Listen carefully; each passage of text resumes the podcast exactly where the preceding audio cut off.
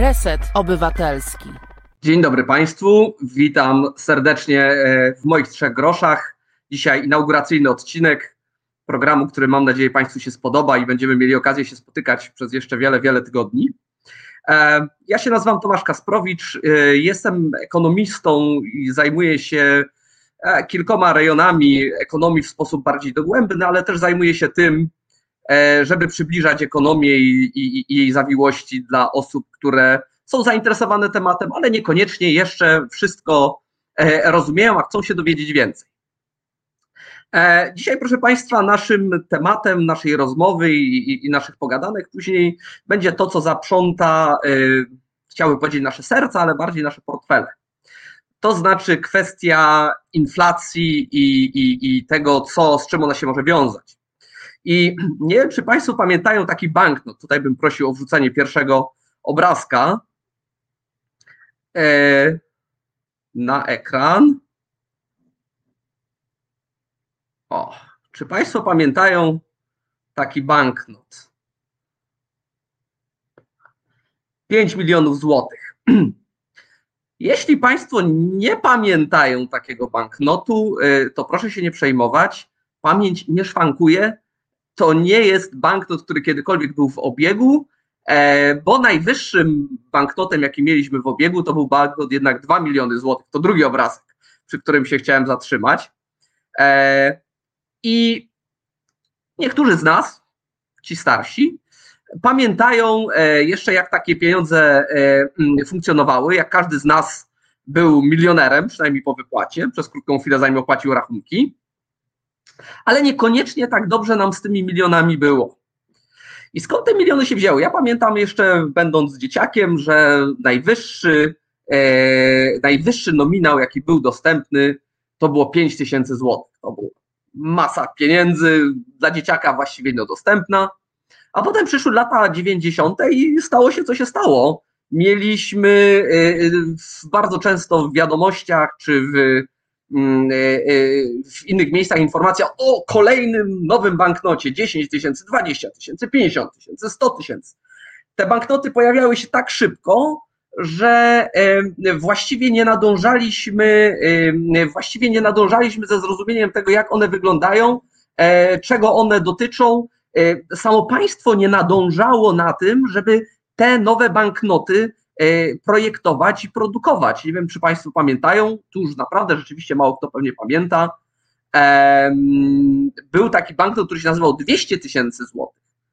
E, I on, na niego mówiono naklejka na butelki, bo on nawet nie miał za bardzo zabezpieczeń. Po prostu nie zdążono wyprodukować, zaprojektować normalnego banknotu z zabezpieczenia, a już był potrzebny kolejny nominał. Zresztą e, e, ten problem rosnących e, nominałów potrzebnych do tego, żeby obsłużyć transakcje wynikających z inflacji, to nie jest tylko polski problem. My go pamiętamy, ale poprosiłbym o obrazek numer 3, który pokaże, że to nie jest bynajmniej wyłącznie nasz problem z lat, początku lat 90. Tutaj, proszę Państwa, taka, taki drobny nominał 100 trylionów dolarów tak? Jak tutaj widać, to jest ile? 3, 6, 9, 12 i jeszcze 2, 14 zer. Czy nam taka sytuacja grozi, taką jaką pamiętaliśmy y, dawno? Słychać dość niepokojące rzeczy. E, inflacja niewątpliwie e, jest wysoka, e, co oznacza, że ceny rosną, a jak skąd wiemy, że ceny rosną, to sobie zaraz o tym powiemy. Ale czy idziemy w kierunku, który wygląda tak groźnie jak to, co, e, to, co tutaj możemy obserwować.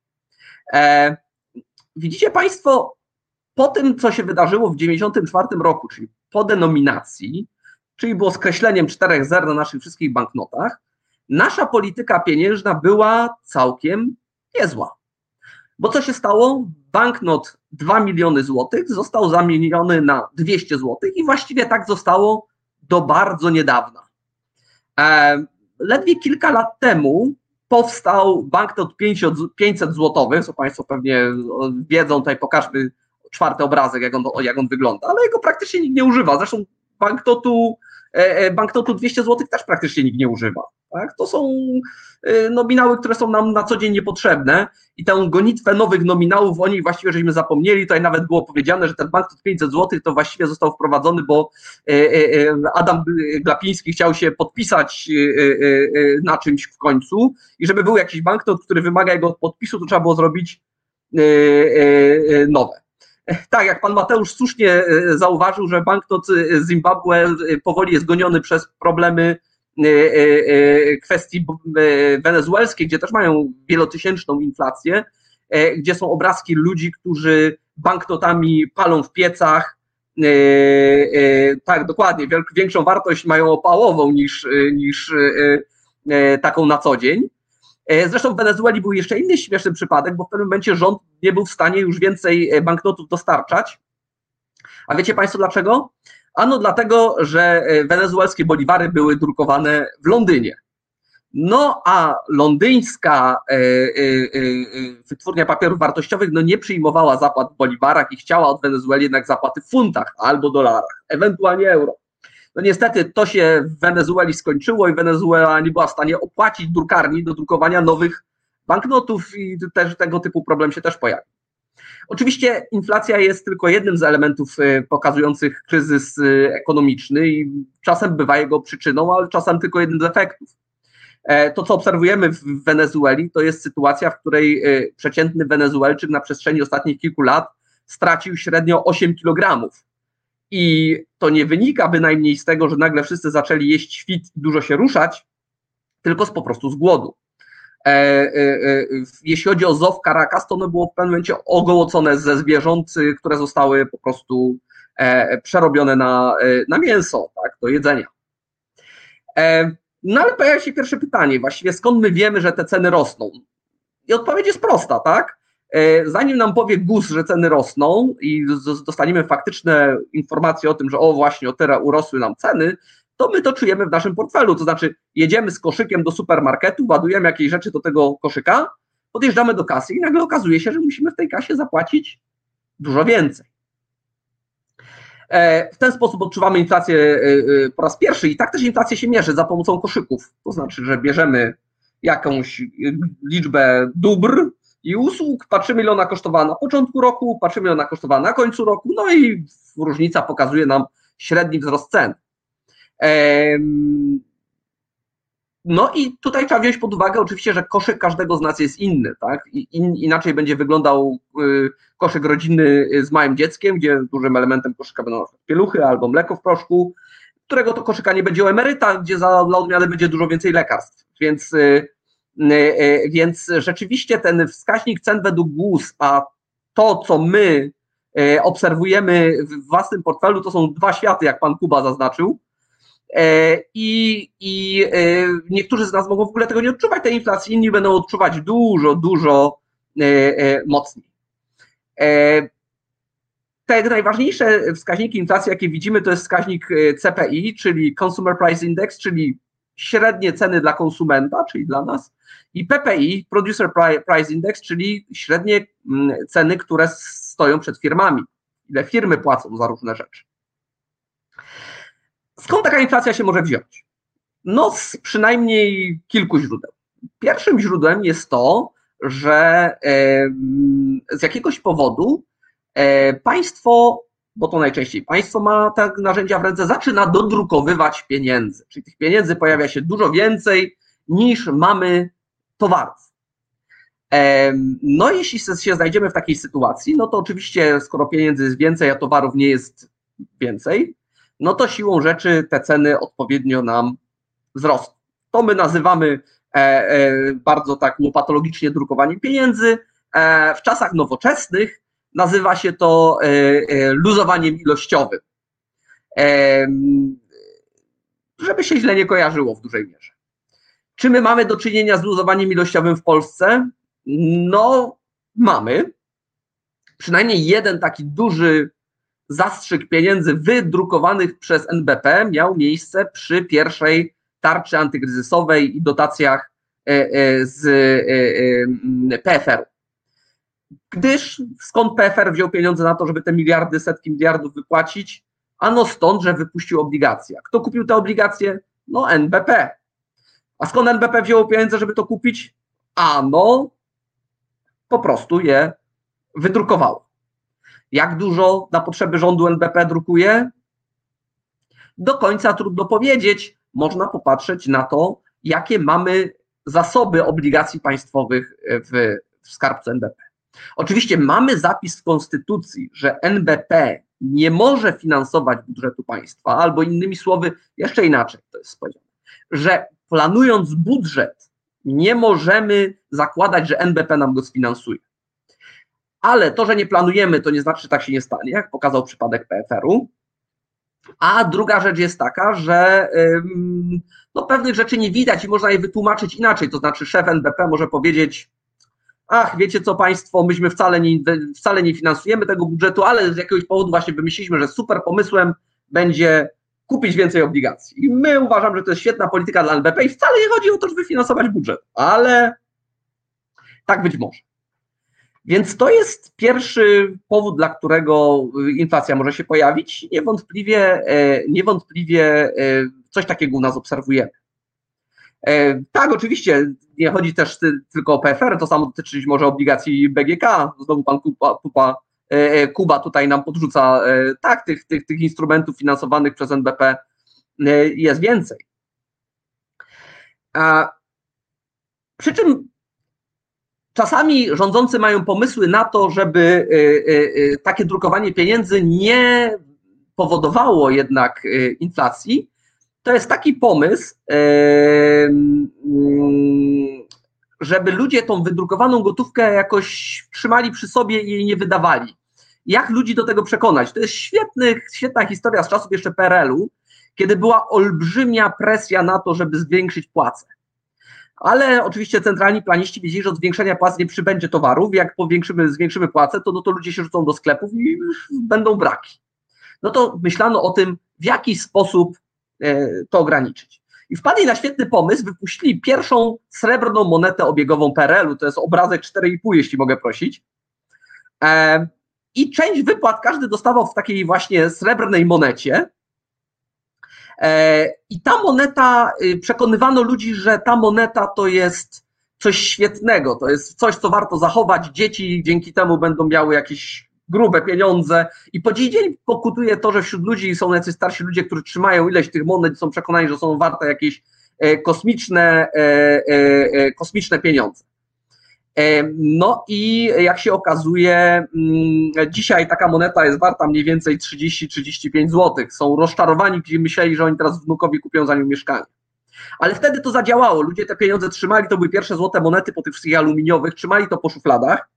Nominał był wysoki, więc dużo tej gotówki szło w to srebro. E, zresztą później ten sam manewr przeprowadzono jeszcze z monetami y, y, y, o nominale tysiąca i dziesięciu tysięcy złotych z papieżem i z Piłsudskim. E, w związku z tym, e, w związku z tym czasami próbuje się w pewien sposób obchodzić ten problem drukowania pieniądza.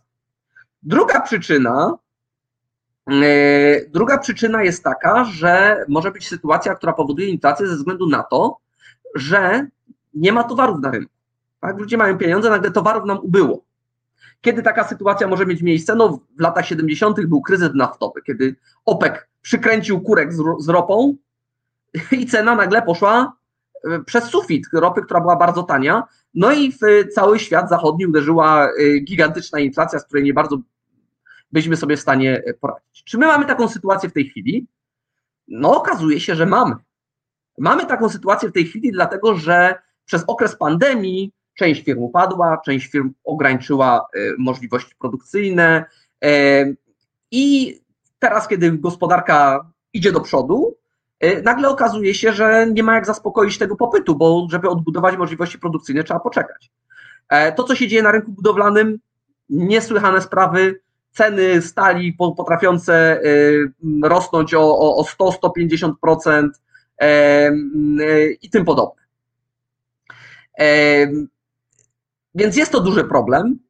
I, I, pytanie, kiedy y, te zdolności produkcyjne zostaną odbudowane i czy zostaną odbudowane, w jakim, w jakim terminie. Póki co ceny rosną y, y, straszliwie, do, idą do przodu.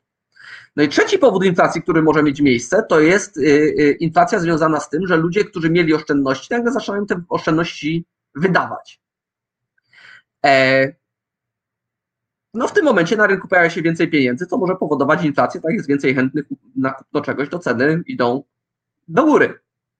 E, czy taką sytuację mamy w Polsce w tej chwili? No jeśli na to popatrzymy, to znowu możemy powiedzieć, że tak. Ludzie w trakcie pandemii z jednej strony nie mogli kupować pewnych rzeczy, bo siedzieli w domu, z drugiej bali się, nie wiedzieli co to będzie, to woleli sobie przyoszczędzić.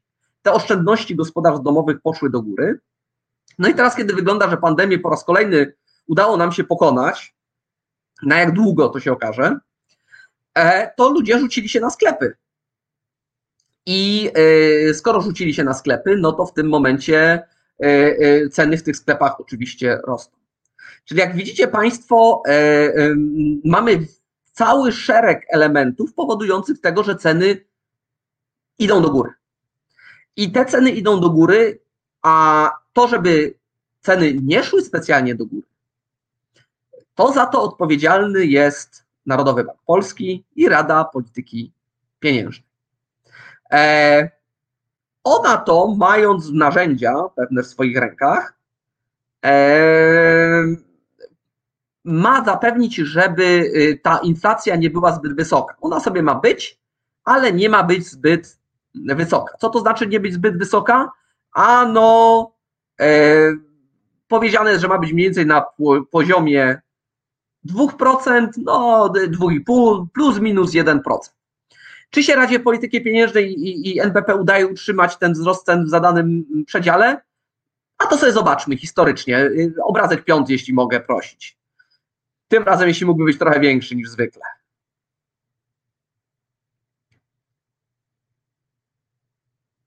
O właśnie, tutaj mamy naszą inflację od roku 2000, e, od roku 2001. Zielona linia to jest tyle, ile NBP, Rada Polityki Pieniężnej, e, e, chciałaby, żeby inflacja była. E, a te linie czerwona i fioletowa to jest ten pasek, w którym NBP czuje się z, z inflacją, powiedzmy, komfortowo. Tak? Czyli nie chce, żeby przekraczać przez te linie. A tutaj pan Kupa zauważa, że deflacja też może być niedobra i zdarzają się takie przypadki, że deflacja może być też niedobra, ale jak widzimy, deflacja zdarza się bardzo rzadko. Był taki epizod, można powiedzieć, między połową 2014 a 2017, gdzie mieliśmy pewną niewielką deflację, o, przy której ciężko powiedzieć, że, że ona cokolwiek mogła zaszkodzić. Wręcz przeciwnie, gospodarka sobie radziła wtedy świetnie. E, ale widzimy też, że, że inflacja potrafi wyskakiwać ponad, znacząco ponad ten cel inflacyjny i ponad zakres, e, e, który uznajemy za bezpieczny.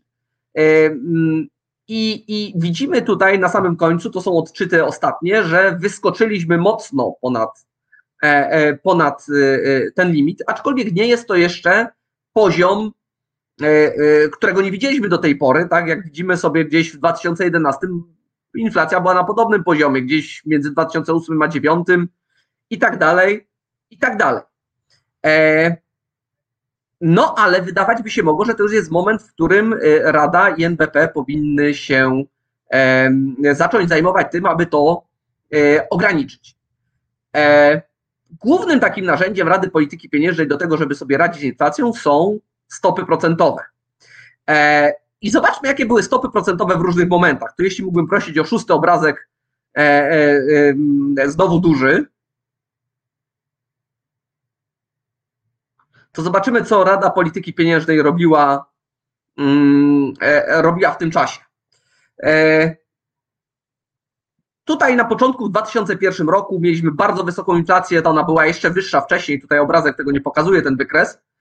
No i tutaj stopy procentowe były na poziomie 18%, kiedy ona była bardzo wysoka, kiedy zaczęła spadać, powiedzmy 11%. E, kiedy, e, kiedy e, ona była za niska, one oczywiście były odpowiednio niższe, ale widzimy, że tutaj kiedykolwiek tylko ten garbik był, wystawał ponad ten, tą, tą linię górną, no stopy procentowe skakały, bo NBP próbował dusić tą inflację, co mu się z czasem, jak widać, w pewnym momencie udawało. No kiedyś mieliśmy deflację, e, no to, no to mamy 1,5% e, tylko. Tylko proszę popatrzeć, co się dzieje w tej chwili. W tej chwili mamy inflację na bardzo wysokim poziomie, przekraczającym limit, a stopy procentowe mamy praktycznie zerowe. Co tu jest istotne, to jest to, że przez cały ten czas, który Państwo popatrzą, e, hmm, e, e, jeśli gdzie, gdziekolwiek praktycznie nie popatrzymy, to stopa procentowa była powyżej inflacji. Co to znaczyło? To znaczyło, że jeśli ja włożyłem moje pieniądze do banku, to to, co wyjąłem z tego banku, wystarczyło na pokrycie inflacji i jeszcze dawało mi coś zarobić.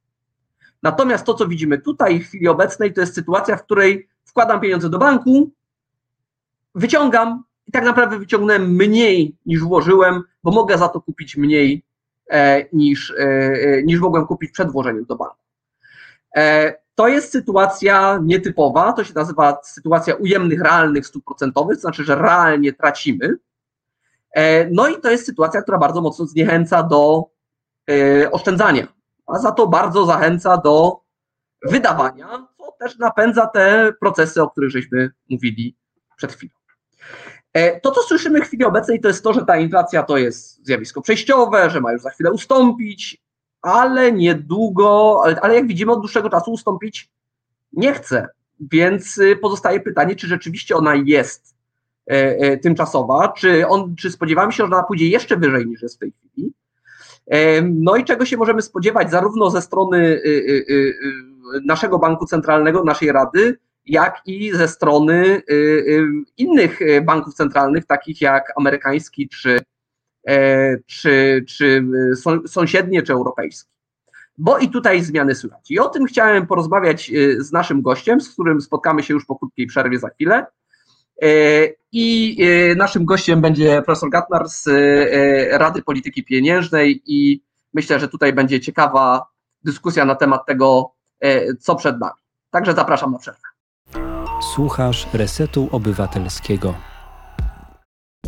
Reset Obywatelski działa dzięki Twojemu wsparciu. Znajdź nas na zrzutka.pl. Dzień dobry panie profesorze. Dzień dobry panu, witam serdecznie. E, dziękuję za przyjęcie zaproszenia.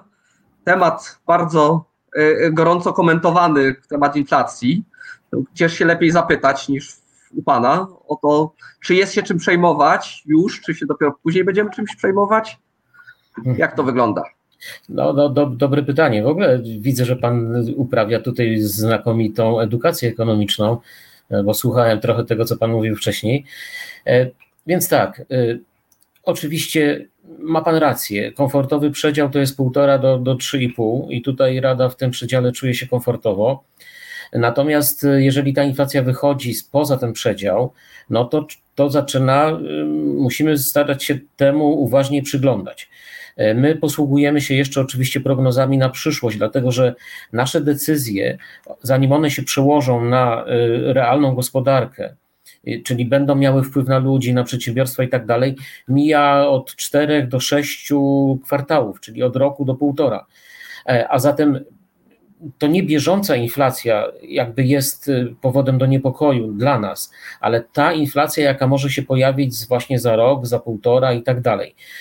I Dzisiaj musimy działać, żeby ta inflacja nie była wysoka, nie wymknęła się spod kontroli właśnie w dłuższym okresie czasu. E, a zatem ja, jako jeden z dziesięciu członków Rady, bo każdy z nas wypowiada się oddzielnie, samodzielnie, jesteśmy niezależni, e, ja uważam, że, że powinniśmy już teraz zareagować, podnosząc stopy lekko, E, delikatnie. Jak pan wie, e, wczoraj podniosły Czechy, przedwczoraj Węgry, a więc banki centralne tego naszego regionu, w którym mamy najwyższą inflację w Europie. Tak? Nasze kraje się rozwijają dynamicznie. Tej, temu dynamicznemu rozwojowi towarzyszy inflacja, bo inflacja zawsze towarzyszy ożywieniu gospodarczemu. Ona jest taką oliwą, która, która oliwi te, te, te tryby gospodarki. E, a zatem, jeśli się szybko rozwijamy, no to musimy mieć inflację. Ważne jest to, żeby się nie wymknęła spod kontroli. No i, i, istnieje taka groźba. E, ja tutaj patrzę na to z punktu widzenia naszego rynku pracy na przykład. no, no, gdzie, gdzie, gdzie mamy olbrzymi ubytek z jednej strony te wielkie kohorty, generacje odchodzące na emeryturę, te małe roczniki wchodzące na rynek pracy, wielki niedobór, dynamiczny wzrost tych płac, czy to nie będzie groziło taką spiralą inflacyjną typową? Dobrze, dobrze pan patrzy, dobrze pan kombinuje. Natomiast ja się nie boję jakby tego, e, ty, tych zmian demograficznych, dlatego że z drugiej strony oczywiście mamy robotyzację, mamy automatyzację. Jak pan widział, bardzo wiele biznesów się, można powiedzieć, dokonała się taka cyfryzacja wszystkiego. E, wiele biznesów przeniosło się do wirtualnego świata, więc ubytek rąk do pracy mnie nie martwi. Mnie martwi coś, o czym Pan zaczął e, mówić, a więc e, płace. Czyli jeżeli obywatele będą tą inflację widzieli, będą się jej bali, będą czuli, że ona, że wszystko drożeje, no będą zgłaszali żądania płacowe, a więc będą rosły płace, za oczywiście płace pracodawcy, producenci przerzucą znowu na ceny towarów i powstanie taka, taka spirala płacowo-cenowa i to jest niebezpieczne. I to, co my robimy, to, co Rada powinna robić moim zdaniem, to jest właśnie ograniczać te tak zwane oczekiwania inflacyjne, bo jest coś takiego, co się mierzy, co się bada, raz w miesiącu. To są tak zwane oczekiwania inflacyjne. I jeżeli widzimy, że ludzie się boją inflacji, że, że ta, te oczekiwania inflacyjne rosną, powinniśmy działać. Ja za takim działaniem się opowiadam. A widzimy, że rosną? Widzimy, że rosną, panie redaktorze. Pod koniec kwietnia w takiej ankiecie, którą Narodowy Bank Polski przeprowadził, 60% y, przedsiębiorców y, raportowało, że spotyka się już z żądaniami płacowymi. Już y, pracownicy w tamtym czasie, widząc jakby to wychodzenie z kryzysu pandemicznego, ten optymizm i tak dalej, no już wtedy domagało się wzrostu płac. Ostatni odczyt sprzed paru dni to jest wzrost płat płac w sektorze przedsiębiorstw o 10%. To jest bardzo poważny, poważny wzrost. Oczekiwania inflacyjne mniej więcej są tutaj stabilne, w tym sensie one są wysokie, bo około 80% ankietowanych Polaków e, uważa, że ceny będą rosły, że ceny będą rosły. Tam są jeszcze różne kategorie, szybciej, wolniej, ale ogólnie około 80% ankietowanych e, Polaków uważa, że ceny będą będą w najbliższym czasie rosły. Ja, ja się jeszcze zastanawiam, bo ta podniesiona inflacja to nie jest zupełnie nowy fenomen, który obserwujemy, a cały czas słychać w komunikatach, że to jest zjawisko przejściowe. I, I, to, co mnie się kłóci w odbiorze tego wszystkiego, to jest częściowo to, że coś, co ma być przejściowe, trwa już powiedzmy dwa lata. Nie wiem, czy słychać, przepraszam wszystkich odgłosy, ale właśnie zaczął spadać grad wielkości pięści u mnie. No, zgoda, zgoda. I no, szczególnie pan prezes Glapiński używa tej, e, można powiedzieć, tej retoryki. Ja się z tym nie zgadzam. E, prognozy, które ja widziałem, które ja widzę, które, które otrzymujemy, pokazują, że w horyzoncie jednego roku z czterech kwartałów ta inflacja do tego przedziału, o którym Pan mówił w swojej części audycji, ona nie zejdzie. A więc y, ja nie mam na razie dowodów na to, że to jest jakaś przejściowy, że to jest przejściowy wzrost. Za miesiąc, a dokładnie za dwa tygodnie zobaczymy nową projekcję inflacji, która będzie miała horyzont dwuletni, czyli w horyzoncie dwóch lat zobaczymy, co z tą inflacją będzie. Na razie w horyzoncie jednego roku ona jest powyżej e, górnego, e, górnej granicy e, tego pasma odchyleń od celu, czyli powyżej 3,5%. Ja chciałem jeszcze zapytać o pewne inne elementy z tym związane, no bo jesteśmy, żyjemy w reżimie ujemnych stóp procentowych od jakiegoś czasu. Ja takiego znowu długiego. Realnych. realnych. Że, że realnych, realnych, realnych ujemnych stóp procentowych oczywiście. E, jakie to Jakie tutaj skutki obserwujemy tego, te, tego stanu? Czy rzeczywiście widać, że, że mm, to zmienia jakby strukturę oszczędności, inwestycji? E, no bo wiadomo, że mieliśmy okres pandemiczny, kiedy ludzie zbierali te pieniądze na czarną godzinę, ale teraz jakby to się zmienia, prawda? Dokładnie. Ludzie zgromadzili około 100 miliardów złotych tych przymusowych oszczędności, no i teraz zaczynają je po prostu wydawać. E, czują się już trochę bezpieczniej. E, co powodują ujemne realne stopy? No, powodują same moim zdaniem złe rzeczy, dlatego że Pan już trochę o tym mówił. One wypychają e, ludzi do, w świat bardzo ryzykownych, znaczy bardziej dochodowych, czyli bardziej ryzykownych inwestycji, bardziej ryzykownych aktywów, takich jak właśnie jak złoto, jak powiedzmy sobie jakieś kryptowaluty, niestety. No i, i, i być może różne inne kuszące obietnice wyższych stóp zwrotu, również na rynek mieszkaniowy, o którym Pan mówił. To też jest jakiś rodzaj alternatywnego aktywa, które, którego popularność bardzo, bardzo mocno wzrosła, a też oczywiście, oczywiście ceny przy tym popycie również wzrosły. Co więcej, te, te ujemne, realne stopy powiększają e, nierówności mm, majątkowe bo oczywiście ci, którzy posiadają ziemię, mieszkania, domy, nie wiem, jakiekolwiek e, nieruchomości, e, ponieważ ich ceny rosną, to ich majątek rośnie, tak? A ci, którzy nic nie posiadają, e, to ich, ich oszczędności w banku, tak jak pan powiedział, są zjadane przez inflację, więc rosną nierówności i rosną bańki na różnego rodzaju rynkach ryzykownych aktywów. No i właśnie y, do, do tematu baniek trochę zmierzałem właśnie. Jestem zainteresowany, czy Rada y, zajmując się inflacją jako taką, tak, czyli szerokim wzrostem cen, monitoruje też kwestię rośnięcia gdzieś jakichś banik spekulacyjnych, tak? I czy, czy, czy, czy taki, y, taka zlokalizowana inflacja, nazwijmy ją, tak, czy nie globalna, też w jakiś sposób jest, jest uwzględniana w tych, w tych analizach. Panie redaktorze, tych baniek to nikt nie widzi. Niech pan sobie przypomni, jak było z Amber Gold, chociaż być może pan jest za młody, żeby to, żeby to pamiętać, ale, ale takich Amber Goldów nikt nie widział i nikt nie, nie, nie wie o tym. E, oczywiście Komisja Nadzoru Finansowego ma taką listę ostrzeżeń i tam ostrzega, Polaków, żeby, żeby nie kupować tam jakichś, jakichś, nie wiem, papierów e, dziwnych firm, czy, czy jakichś pseudolokat e, właśnie inwestowanych w złoto, czy w coś, czy w kryptowaluty, ale oczywiście nie wiem, czy ludzie to czytają w ogóle. Jedyne, co my obserwujemy, to, to oczywiście rynek mieszkaniowy i to, i to jest to, co się dzieje na rynku mieszkaniowym, to jest przez Radę uważnie obserwowane. Moim zdaniem ten rynek mieszkaniowy jest mocno rozgrzany, y, mocno, no i obawiam się, nie mam żadnych dowodów na to oczywiście, ale obawiam się, że może, jeśli dłużej to potrwa, może tam jakaś, jakieś bańki mogą, y, mogą powstawać, ale tego też oczywiście nie widać. Z bańkami jest tak, panie redaktorze, że jest, zobaczymy dopiero kiedy pękną. Tak jest, rzeczywiście. Nawet w 2008 u nas była ta, co prawda niewielka bańka na nieruchomościach, gdzie te ceny przez chwilę spadały, prawda, zaraz po, po kryzysie. Ale ja też obserwuję w różnych dziwnych miejscach, jestem z zamiłowania numizmatykiem, także obserwuję na przykład, co się dzieje na rynku monet.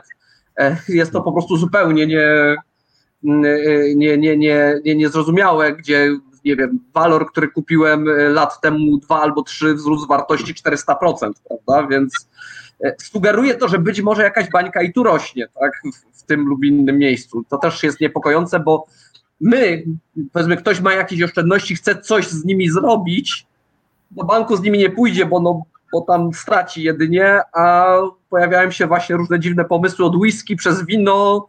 E, e, ostatnio widziałem nawet bimber, szczerze powiedziawszy, jeśli chodzi o alkoholowe kwestie, kolekcje sztuki, monet, znaczków, właściwie wszystko, cokolwiek, co nie jest pieniądzem. Dokładnie tak, e, ale też pieniądz, y, pieniądz też.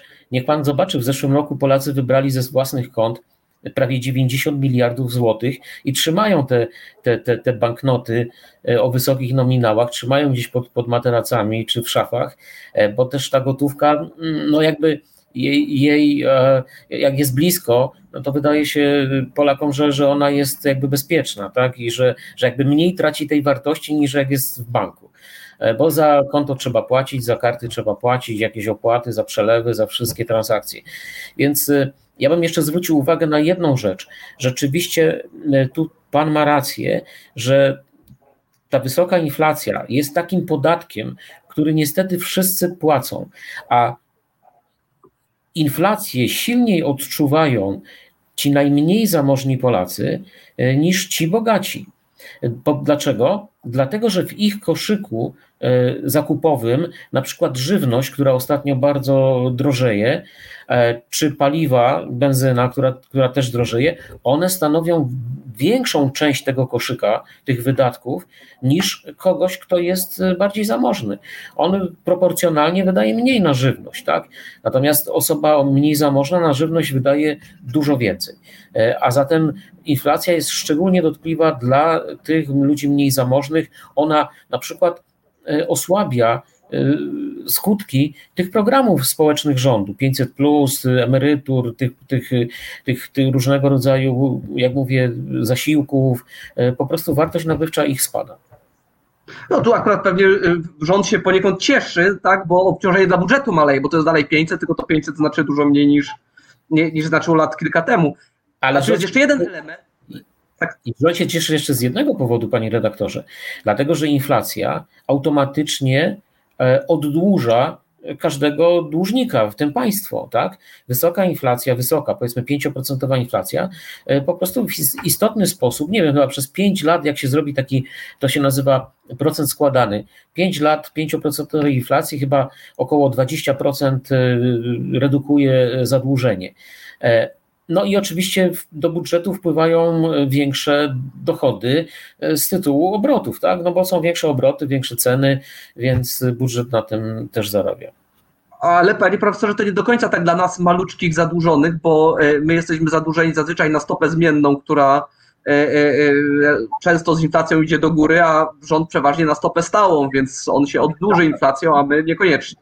Nie, no panie redaktorze, ma pan, znaczy ma pan, ja, ja nie jestem zadłużony, ale wszyscy, którzy są zadłużeni, no teraz świetnie sobie żyją. Oni się modlą, żeby te stopy nie wzrosły, tak? Dla nich to jest, to jest idealny, idealny czas. 0,1. Nigdy nie było takich tanich pieniędzy, nigdy nie można było tak, takiego taniego kredytu dostać. Naprawdę to po prostu jest najlepszy czas właśnie, żeby się zadłużać. I, I to jest moim zdaniem też właśnie e, bardzo niebezpieczna sytuacja, bo ona zachęca do zadłużania, a zniechęca do oszczędzania. Cała nasza cywilizacja została zbudowana na oszczędnościach, na tym, że odkładaliśmy, żeśmy konsumpcję ograniczali. Wszystko, co ludzie do tej pory zbudowali, ten paradygmat oszczędzania jest fundamentem naszej cywilizacji. Ale mamy teraz rewolucję jakąś taką, e, więc, więc no, ci, którzy oszczędzają, tracą, a ci, którzy się zadłużają, zyskują. E, to, to, to prawda, ja się zastanawiam, czy nie będziemy mieli za chwilę fali złotówkowiczów, fali frank, frankowiczów, tak? kiedy wzrosną stopy procentowe, a koniec końców pewnie wzrosną, to nagle te raty mogą się okazać nie do udźwignięcia.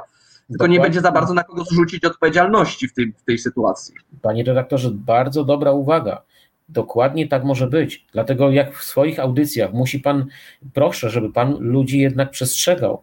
Nie zadłużajcie się frywolnie, bezmyślnie, bezrefleksyjnie, bo stopy procentowe, ktokolwiek będzie w tej radzie, stopy procentowe kiedyś wzrosną. Te 0,1 było tylko na czas kryzysu, pandemicznego kryzysu, największego kryzysu od końca II wojny światowej. Cały świat obniżył stopy procentowe do prawie zera.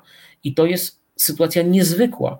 To tak nie będzie przez y, forever, tak? To nie będzie forever. To, to trzeba sobie, trzeba to ludziom mówić. Nie zadłużajcie się, jeśli nie potrzebujecie, jeśli, jeśli nie macie dobrze wyliczonych własnych, y, własnej zdolności y, takiej kredytowej, ale takiej własnej, nie wyliczonej przez bank, tylko takich własnych możliwości życiowych, to nie zadłużajcie się. To nie jest dobry czas to tylko teraz chwilowo te stopy są tak niskie. Niedługo wzrosną. Pan mówił o cenach y, benzyny i ropy. Y, ja bym chciał do tego trochę nawiązać, bo, bo, bo to ma jakby drugie dno. Tak, bo to, że benzyna nam ostatnio zdrożała bardzo mocno, no ma przynajmniej kilka komponentów. E, e, no jeden komponent to jest taki, że mamy monopol na rynku, ale to powiedzmy ostawmy na bok. E, drugi komponent to jest taki, że cena ropy w dolarach poszła do góry no ale to jest wynik ożywienia światowego i tutaj jakby no, to jest jakby element, przed którym wszyscy stoją.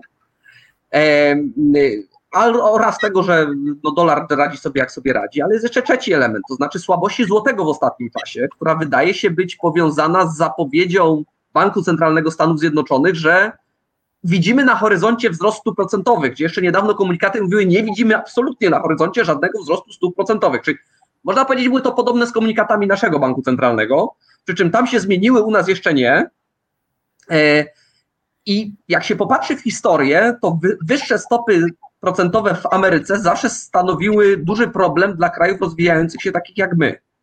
E, związany z tym, że odpływają kapitał, odpływają inwestycje, osłabiają się, e, osłabiają się e, waluty. Czy my się możemy spodziewać właśnie takiego, takiego, nie wiem, impulsu recesyjnego wynikającego z tej polityki monetarnej Stanów? Nie sądzę. Panie redaktorze, ten świat, tak jak panu już mówiłem, no niestety, znaczy, niestety się zmienił. Ja jestem konserwatystą, więc, więc ten stary świat mi się bardziej podobał niż ten nowy. W tym nowym świecie, jak pan widzi, stopy procentowe, albo inaczej mówiąc, wszystkie państwa próbują uzyskać e, konkurencyjność eksportową, tak? W tym teraz nie jest problemem wyprodukować, problemem jest sprzedać towar, który się wyprodukowało i żeby to wyeksportować, sprzedać, no to trzeba mieć odpowiednio słabą walutę własną, więc każdy stara się tą walutę osłabić jak tylko może, a obniżanie stóp procentowych jest taką, e, jest takim e, sposobem, E, właśnie na to, żeby własną walutę osłabiać.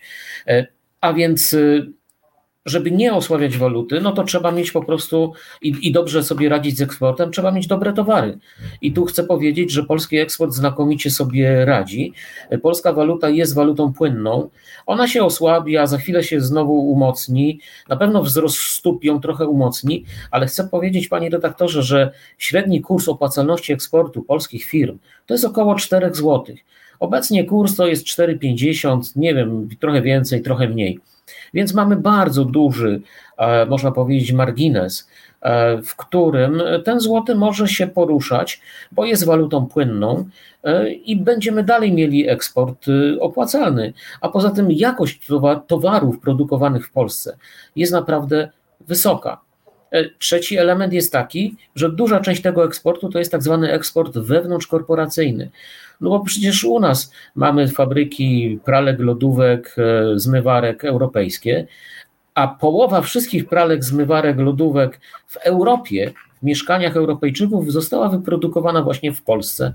I nasz eksport dzięki oknom, meblom i tym pralkom, zmywarkom ciągnie naszą gospodarkę. E, to, to, to optymistyczne, ale jeszcze chciałem zapytać o jeszcze jedną rzecz. E, taki taką hipotezę, którą czasem się słyszy y, przez obserwowanie takiego kraju, jakim jest Japonia, w którym to kraju stopy procentowe realnie ujemne są od dekady.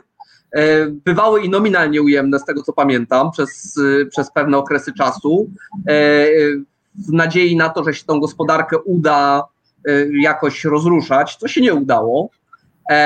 Coraz częściej słychać, że taki stan japoński wpada świat rozwinięty, w tym i my, z przyczyn różnych, także demograficznych. Czy to rzeczywiście jest tak, że my już jesteśmy y, skazani na, na takie niskie stopy procentowe? Bo nawet jeśli patrzymy na ten wykres stóp NBP w historii, tak, ta inflacja szła w górę i w dół, w górę i w dół, ale stopy właściwie cały czas szły w dół. Czy to jest tak, że my będziemy żyć w tym środowisku niskich stóp procentowych właściwie już y, do nadal? Ja, panie redaktorze, nawet widziałem taki wykres stóp procentowych od 2000 roku przed Chrystusem, bo wtedy w Mezopotamii znaleziono takie płytki z pierwszymi zapisami dłużnymi, czy to były jakieś weksle, czy coś takiego były. E, więc, więc tak naprawdę e, od 5 tysięcy lat, można powiedzieć, czy 4-5 tysięcy lat, cena pieniądza ciągle, stale maleje. E, I myślę, że już nie wrócą czasy, kiedy ten pieniądz był, e, był drogi, bo po pierwsze on nie jest związany z kruszcem, tak, mamy pieniądz fiducjarny, a po drugie, po prostu mamy tak zwany system rezerwy cząstkowej.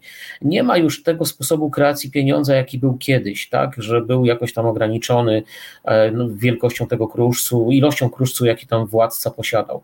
Teraz pieniądz kreują banki, komercy, banki komercyjne, które udzielają kredytów no, przedsiębiorstwom i gospodarstwom domowym.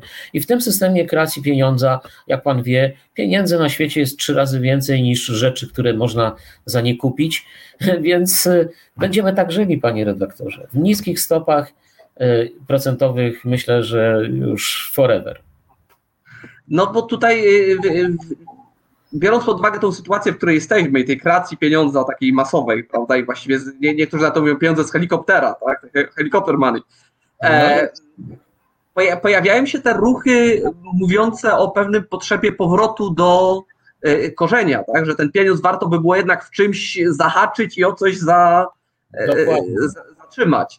Czy, czy, czy to jest w ogóle kierunek, w którym warto się cofać, czy to jest takie opowiadanie ludzi, którym się wydaje, że to lepiej by działało, a to, co mamy teraz, działa jednak lepiej? Super, znakomite pytanie. To pyta Pan o to, takim epizodem, czy sztandarowym przykładem takiego buntu przeciwko temu, temu systemowi rezerwy cząstkowej było to y, referendum w Szwajcarii w 2018 roku, y, gdzie właśnie Szwajcarzy oburzyli się przeciwko, e, oburzali się, chcieli, chcieli odejść od tego systemu kreacji pieniądza, od stałej, można powiedzieć, stałego osłabiania wartości ich pieniądza. Przecież każdy chce mieć frank szwajcarski, tak? Dlatego Bank Szwajcarii ma ujemne, najbardziej ujemne nominalne stopy procentowe. Nominalne, nierealne, nominalne, minus 0,75%. E, a zatem Szwajcarzy się buntowali przeciwko temu, nawet zgromadzili 100 tysięcy podpisów, żeby ogłosić ogólnonarodowe referendum i panie redaktorze, referendum Szwajcarzy przegrali. Kto był przeciwko temu? Narodowy Bank Szwajcarii, czyli bank centralny i banki komercyjne, bo one żyją przecież z tej kreacji pieniądza, obracanie, obracania tym pieniądzem i one oczywiście odpowiednio prowadząc kampanię przeciwko temu referendum spowodowały, że tam chyba 75% Szwajcarów opowiedziało się przeciwko temu. Myślę, że większość w ogóle nie rozumiała e, o co chodzi. E, ale referendum zostało przez zwolenników tego Vollgeld, bo to się tak nazywało, czyli pełnego pieniądza, e, zostało przegrane. Czy takie ruchy będą powstawały? Moim zdaniem mało ludzi rozumie zagrożenia, które stąd płyną. Każdy uważa, że ma za mało pieniędzy, a więc większa ilość pieniędzy go cieszy. Tak? E, a zatem, zatem nie sądzę, żeby tu musieliby to być jacyś mega, e, jakby to powiedzieć, inteligentni, wykształceni ekonomiści, żeby, ale w ogóle nie przekonają, myślę sobie, ludzi e, do, do tego. Trudno to wytłumaczyć zwykłemu obywatelowi. To, to by się zgadzało, więc tutaj idziemy w drugą stronę, czyli pewną koncepcją, która się robi popularna, zwłaszcza w Stanach Zjednoczonych ostatnimi czasy. Nawet y, pani wiceprezydent o tym się wypowiadała, e, a u nas wcześniej jako pionier tego był Andrzej Leper, e, czyli nowoczesna e, teoria pieniądza, która mówi o tym, że właściwie po co się przejmować podatkami, może lepiej po prostu wydrukujmy cały budżet państwowy i jakoś sobie z tym poradzimy w ten sposób. Dobrze, w takim razie, jeśli nie, nie, nie kotwiczenie pieniądza, to w drugą stronę. Ale nie, nie, tu trochę pan trywializuje to. Nie, nie. MMT, czyli to Modern Monetary Theory, to wcale nie, nie, nie ma nic wspólnego z Leperem. Nie, nie, nie. To jest, to, to nie jest, to nie jest naprawdę banalna sprawa. Ja na początku też to trochę banalizowałem, wydawało mi się to trochę śmieszne, ale tak naprawdę, panie redaktorze, to jest koncepcja, mm, można powiedzieć, teoretyczna podstawa tego, co robią wszystkie banki centralne, łącznie obecnie z Narodowym Bankiem Polskim, ale to zaczął Fed tak, w poprzednim kryzysie finansowym, czyli tego luzowania ilościowego, czyli tej, można powiedzieć, e, skupu obligacji rządowych, korporacyjnych, od banków komercyjnych, e, a więc kreowania tej płynności e, w systemie bankowym. E, to, to luzowanie ilościowe, czyli niektórzy dziennikarze mówią drukowanie pieniędzy, ale to nie jest prawda.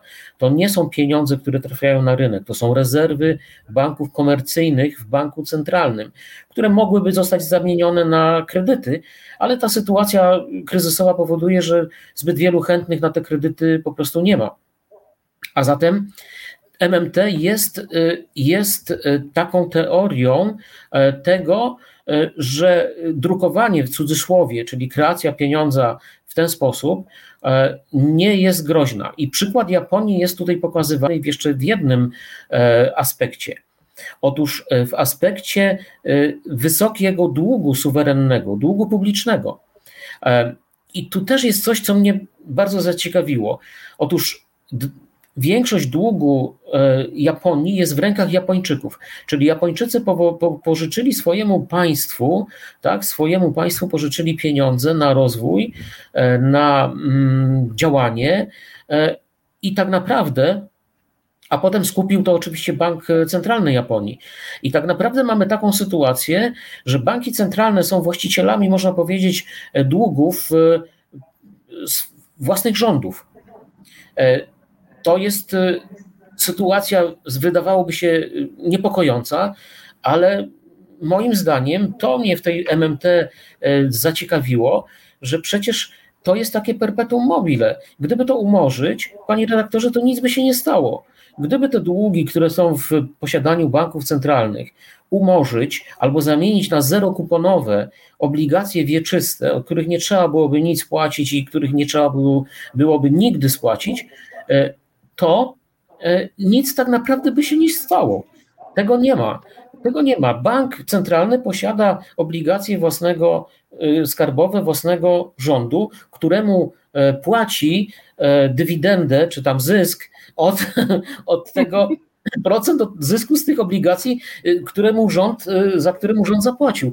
Czyli to jest po prostu sytuacja taka, bardzo ciekawa zresztą i konsekwencja tego luzowania ilościowego, że moim zdaniem można byłoby te długi umorzyć. Zresztą stu e, ekonomistów europejskich napisało do pani Lagarde, szefowej Europejskiego Banku Centralnego, żeby właśnie tak zrobić.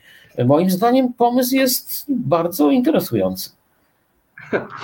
E, jak wczytywałem się w MMT, to wyszła ze mnie dusza księgowego, bo to bardzo mocno na księgowości działa. Co prawda na księgowości banków centralnych, która nie jest taką normalną księgowością, nie. E, powiedzmy, e, jak w firmie, ale po, po, podobnie to działa, tak czułem się jak, jak w księgowości.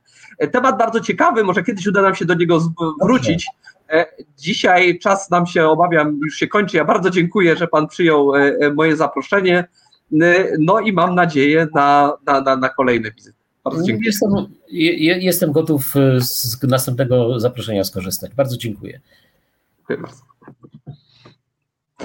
Także e, e, kończymy naszą pierwszą audycję. Mam nadzieję, że Państwu się podobała. Widzę tutaj całą masę pytań, na które nam się nie zdążyło jeszcze, nie zdążyliśmy odpowiedzieć. Na przykład takie pytanie, czy bank centralny jest prywatną firmą. I tu odpowiedź bywa.